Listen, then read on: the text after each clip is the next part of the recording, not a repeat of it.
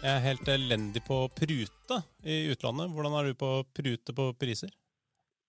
Det er ikke så bra, egentlig. Jeg, tror, jeg pruta meg ned 20 dollar da jeg kjørte taxi i Jeg skulle hjem fra en sånn NFL-kamp i New York nå eh, eh, her på søndag. Som selvfølgelig er kult å si, sånn helt casual. Men eh, da fikk jeg pruta ned 20 dollar. Eh, da sa jeg Han sa 130 dollar, så sa jeg 110, og så Nei, så sa jeg 100, og så endte vi på 110. Så gå litt lavere enn det du egentlig har tenkt. Det er vel en sånn klassisk forhandlingstaktikk.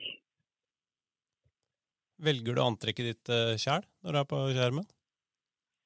Ja, 100% Det er egentlig litt ergerlig, for jeg vet at noen av de mer, eh, av de mer eh, profilerte programlederne og sånn får sånn stylisthjelp i TV 2, men personlig er jeg fortsatt såpass eh, langt nede at, eh, at, jeg må velge selv å klare meg på egne bein.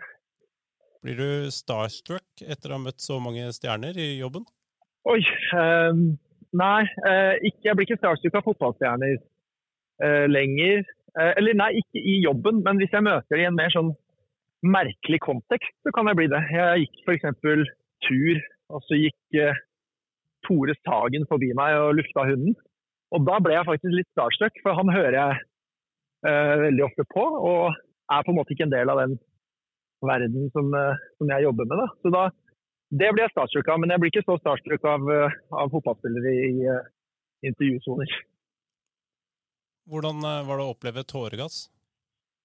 Det var veldig, veldig ubehagelig. Sånn fysisk var det ekstremt ubehagelig fordi det svir Samtidig som det svir, så lammer det på en måte hele evnen til å prate, og du blir på en måte veldig sånn uh, ja, det, det, hemmer jo egentlig de fleste sånn uh, funksjoner og gjør veldig vondt og er veldig ubehagelig i en uh, Først veldig intenst i, i, et par minutter, og så litt så blir det roligere. og Så er det over etter en halvtimes tid. Helt over. Men, men, jeg rakk å tenke mens jeg ble tåregassa at det kom til å bli bra eh, på TV. da. Så, så ille var det ikke.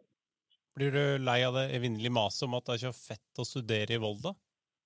Ja, fordi jeg er jo en eh, jeg er jo en Oslo Met-gutt, eller det het jo Høgskolen i Oslo og Akershus eh, da jeg studerte der. Eh, så jeg er på en måte fra fiendens leir. Da. Og så har jeg alltid hatt litt inntrykk av at alle som kommer fra Volda og inn i mediene, har en litt sånn kunstig selvtillit som bygges opp i det økosystemet som, eh, som, eh, som skapes i, i, Volda der, hvor de er litt sånn isolert fra, fra omverdenen. Så, så, ja, jeg, jeg, vil si det. Jeg, jeg, merker ikke så mye av det maset, altså, men, eh, men, jeg er på en måte programforpliktet til å være litt negativ til, til Volda. Jeg har en tanke om at folk enten er frokost- eller kveldsmatfolk. Hva er det du er? Oi.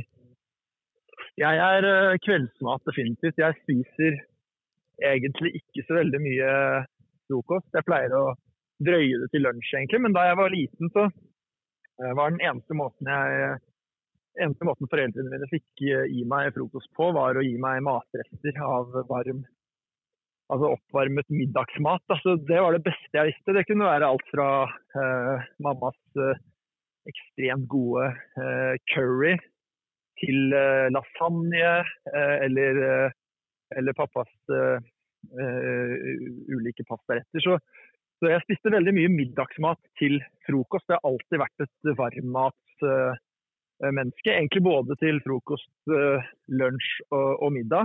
Og så har jeg på en måte på mine senere år blitt ganske fan av den, den klassiske sånn lørdagsfrokost-slash-brunsjen, hvor du kjøper inn litt godt brød og, og noen gode pålegg og, og, tar deg litt god tid. Men, eh, men sånn hverdagsfrokost det er ikke noe tilhenger av. Hva tror du du hadde jobba med hvis du ikke var journalist? Da tror jeg faktisk jeg hadde gått på For jeg husker faktisk før jeg skjønte at jeg kunne bli journalist og jobbe med det som var lidenskapen, så trodde jeg at man når man ble voksen måtte ha en sånn typisk voksenjobb som, som man egentlig ikke var så interessert i. og da da var planen å gå på eh, NHH i Bergen og jobbe med eh, internasjonal business eller et eller annet sånt. Fordi jeg tenkte at da kunne jeg få brukt litt av den sånn flerkulturelle bakgrunnen min og, og språk og sånn, og, og, så jobbe med det. da. Jeg har jo en familie som er, som er veldig realister. Pappa er professor i partikkelfysikk, og mamma er utdanna sivilingeniør. Og storebroren min jobber i Apple og er, er sivilingeniør. Og lillebroren min er straks ferdig med master i kybernetikk og robotikk, så han er ingeniør han òg. Så jeg burde jo sånn sett genetisk vært klar for å jobbe med, med noe sånt. Men jeg har skilt meg litt fra resten av familien. Da. Sånn sett er jeg litt, et lite sort hår, da, om man kan kalle det Er du redd for at uh, ettermælet ditt kommer til å være Kevin De Bryne?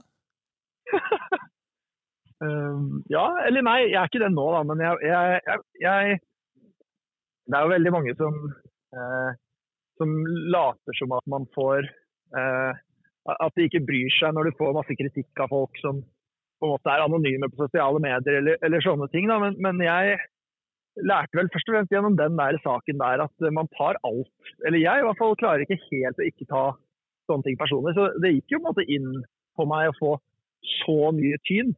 Um, og så er det litt og så er det på en måte det, det bitreste er når folk uh, avskriver deg som en tullejournalist bare fordi du, du noen ganger glimter til med et litt uh, mislykket forsøk på humor. Men jeg er ikke redd for at det skal være ettermælet mitt. Jeg, jeg, håper at, uh, at folk uh, kommer til å huske meg som litt mer enn en, en som var dårlig på, på Både dårlig på humor og avlevering av humor på, på engelsk. Og det var jo en skandaløs seanse. Altså, det var jo elendig.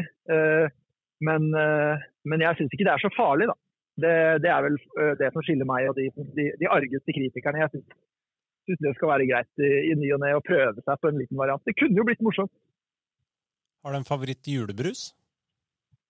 Ja, det er Hamar, uh, Hamarbrusen. Det er, mamma er jo fra Lillehammer, så det har alltid vært um, Er det ikke Hamar og Lillehammer Bryggerien heter? Jeg tror i hvert fall det er noe sånt. Så det, den, er, uh, den er klink. Jeg er veldig spent på den der Linnea Myhre-brusen, men jeg får, får, ikke tak i den. Så, så foreløpig så er det i hvert fall den, uh, den klassiske fra mors hjemtrakter. Har du en favoritt eh, bakevare? Ja, og den er litt kontroversiell. Det er wienerpekan. Altså ikke wienerbrød, men de wiener uh, Den baksten som har sånne pekannøtter oppå, så sånn seig uh, sånn seig uh, Jeg vet ikke helt hva det er inni, men jeg, de syns jeg er veldig gode. Jeg, jeg har fått, fått, høre at det er litt sånn gammeldags å si, men det, det er innertid for meg.